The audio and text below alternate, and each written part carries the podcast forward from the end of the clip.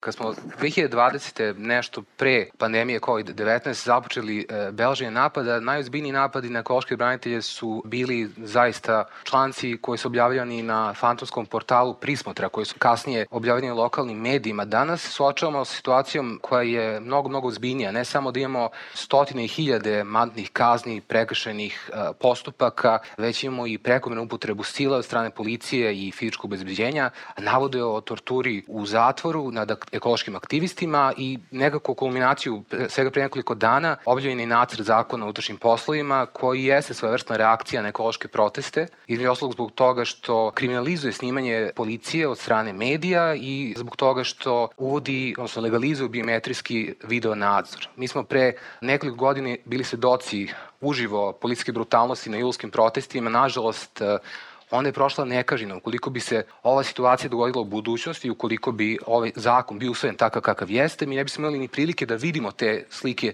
i naš TV ekran bi zapravo ostao potpuno taman. Ukoliko se zakon, ne samo ovaj, niz drugih zakona koji su u fazi nacrtnog truku usvoje, stanje ljudskih prava i sloboda u Srbiji će biti zaista, zaista ugroženo.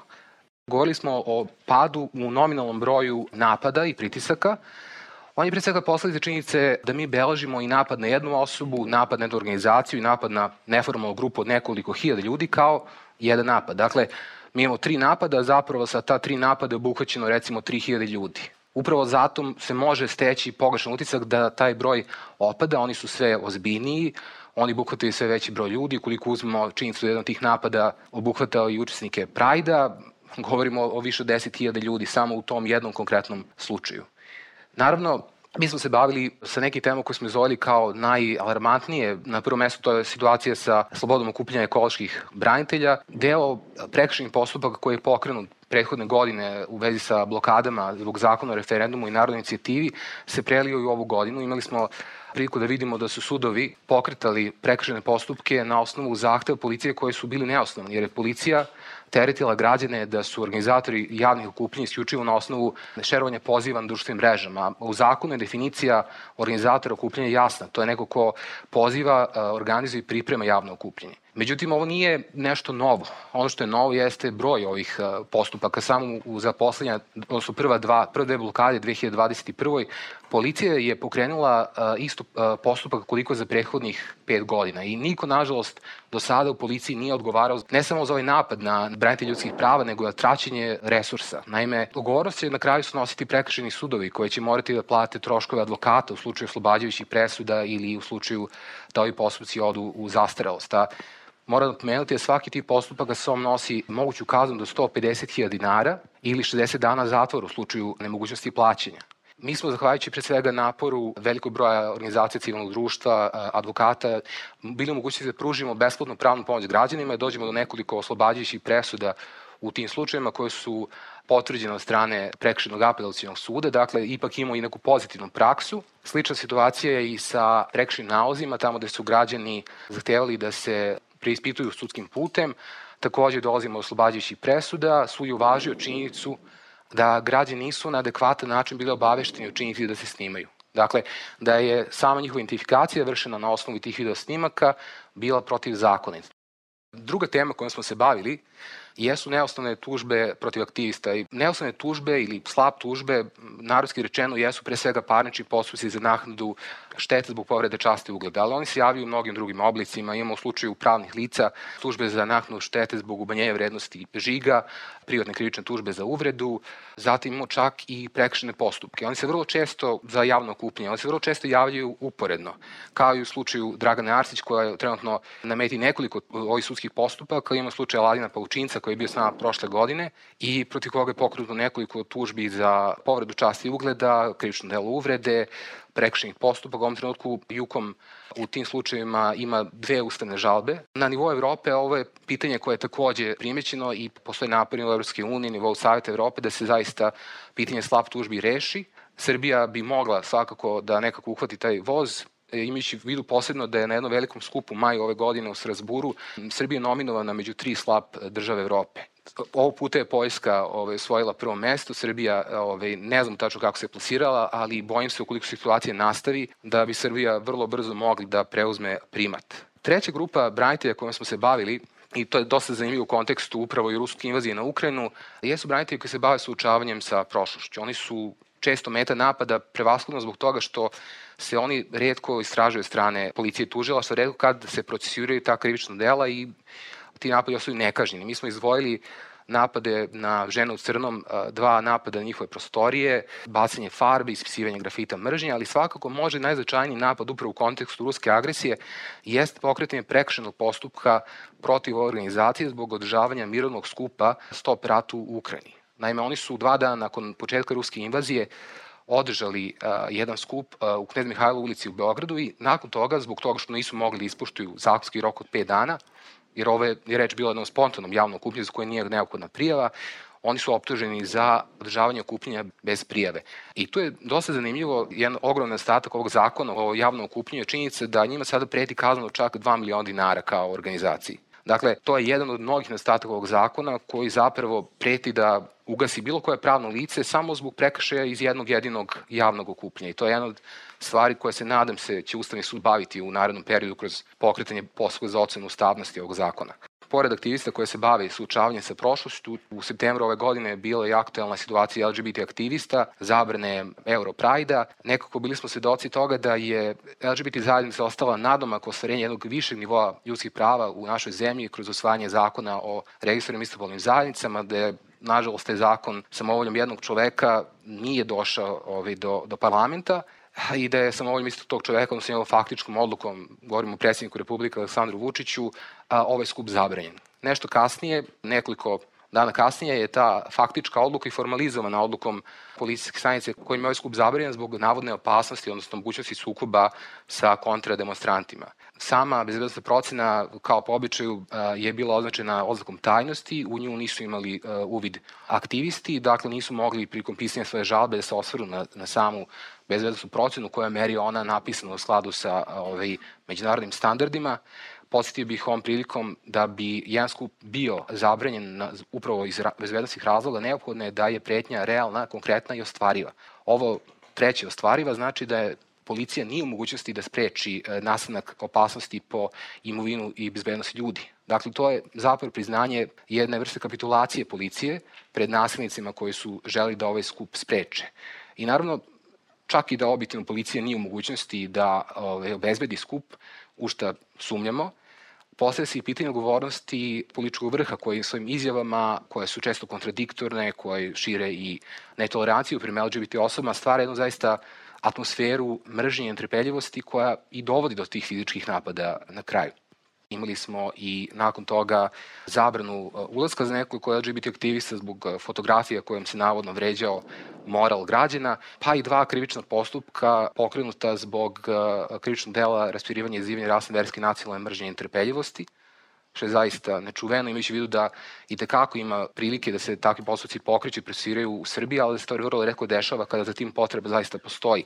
A da se prosviraju ovakvim banalnim slučajima fotografisanje ljudi ispred, ispred crkve ili fotografisanje ljudi u, u odelu koje nalikuje na, na Isusa Hrista. U istoriji Jukoma mi smo podneli ne znam koliko krivičnih prijava. Mnogi krivične prijave su išle ka tužilaštvu sa namerom da se neki napadi ispitaju i nikada do ove godine nismo dobili ni jedan odgovor. Ove godine smo nakon, ne znam da li se sećate, situacije kada je Twitter označio određene medije kao državne medije koje su saradnici Republike Srbije. Odgovor Srpskog telegrafa bio je jedan dodatak o nevladinim organizacijama, o njihovom finansiranju I ništa tu ne bi bilo sporno jer su naši izvori finansiranja i tekako transparentni, da u tom dodatku zapravo nisu bile sadržane e, određene informacije iz izvoda banaka.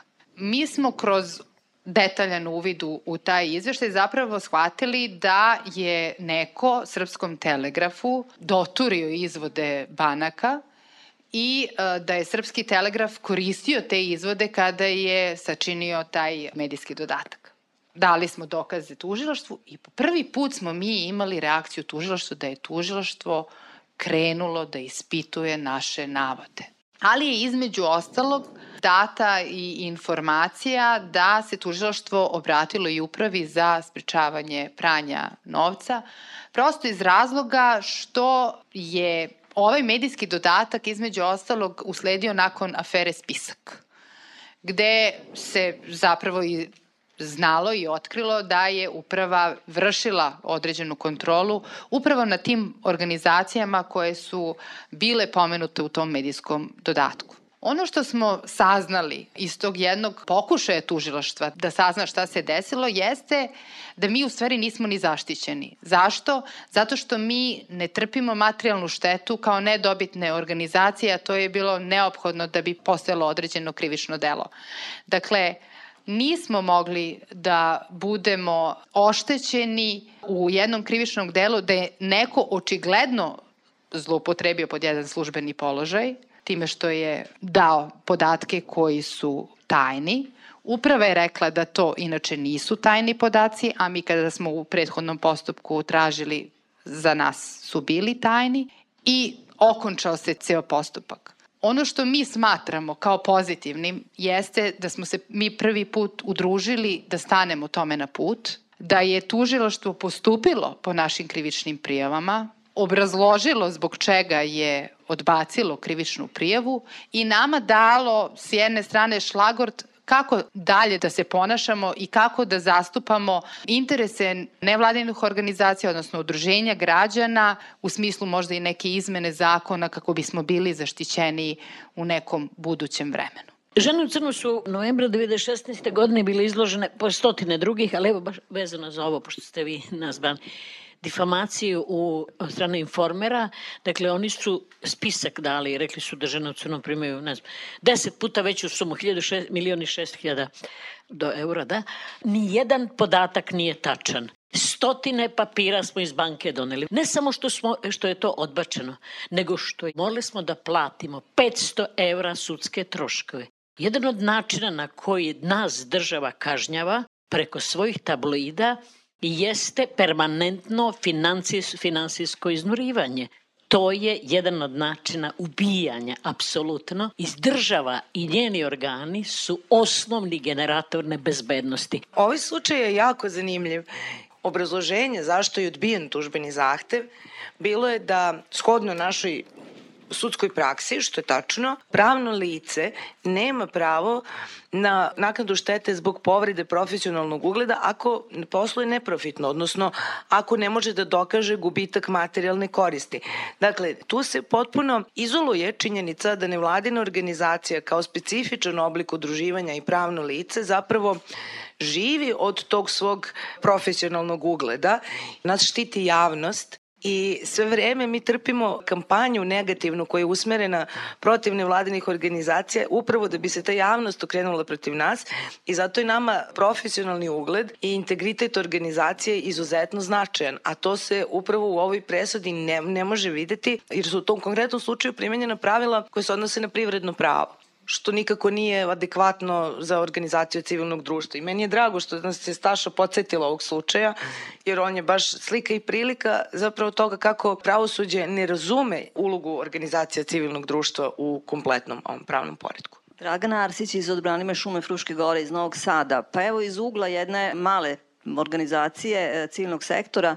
Evo četvrta godina kako se borimo na raznorazne načine, a jedan od ključnih, e, ajde kažem, aktivnosti načina za pravo borbe jeste ta institucionalna, odnosno podnošenje mnogobrojnih inspekcijskih prijava koje onda imaju i neke sudske epiloge. Sve je to naravno mizerno zbog e, loše kaznene politike, ali nekako mi se čini da na takav način mi izlačimo te institucije na crtu i negde stičemo i kredibilitet u javnosti, a u isto vreme pravosuđe počinje zapravo malo da uči o zaštiti, zapravo kako postupati u ovom sektoru zaštite životne sredine. Jer i njima je to potpuno ovaj, nepoznato. A, ja sam Steman Lilić i, i imajući u vidu da naš skup predstavljam Jukom. Mislim, ovo je ključno što je bila dilema između onoga što je izloženo vezano za postupanje tužilaštva i što kaže Staša, nikad se njima ne bi obratili. Samo jedna stvar, ovo već što je rekla Aleksandra, kaže, nas javnost štiti. Da li je baš realnost takva? Nas bre javnost napada. Izvini, znači, cela situacija mora da se stavi u realan kontekst. E sada, kako izaći iz ove situacije? Pa, hibridno, znači i fizika i metafizika. Ako uzmemo da je pravni put, što smo mi u Jukomu, Biljana i ja posebno, uvek zagovarali, dakle, uvek predaj šta imaš, papir i tako dalje, i pusti ga, on ima svoj život. Ali takođe postoji i ovaj aktivizam koji je realan, koji je na ulici, koji je vid javnog, legitimnog javnog pritiska.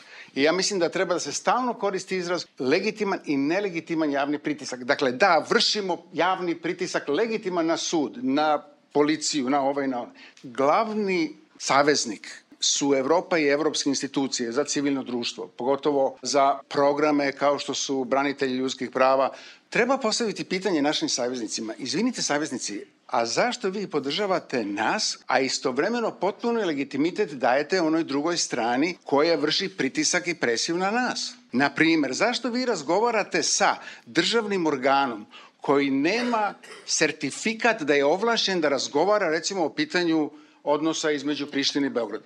To spada u delatnost, odnosno u nadležnost izvršnog organa, vlade. Po kom osnovu je vlada delegirala to meni ili nekom drugom državnom organu, ili da razgovara? Zašto ne kažeš, pa daj mi da vidim, neka donese skupština, neka donese vlada, neki akt, akt i tako dalje.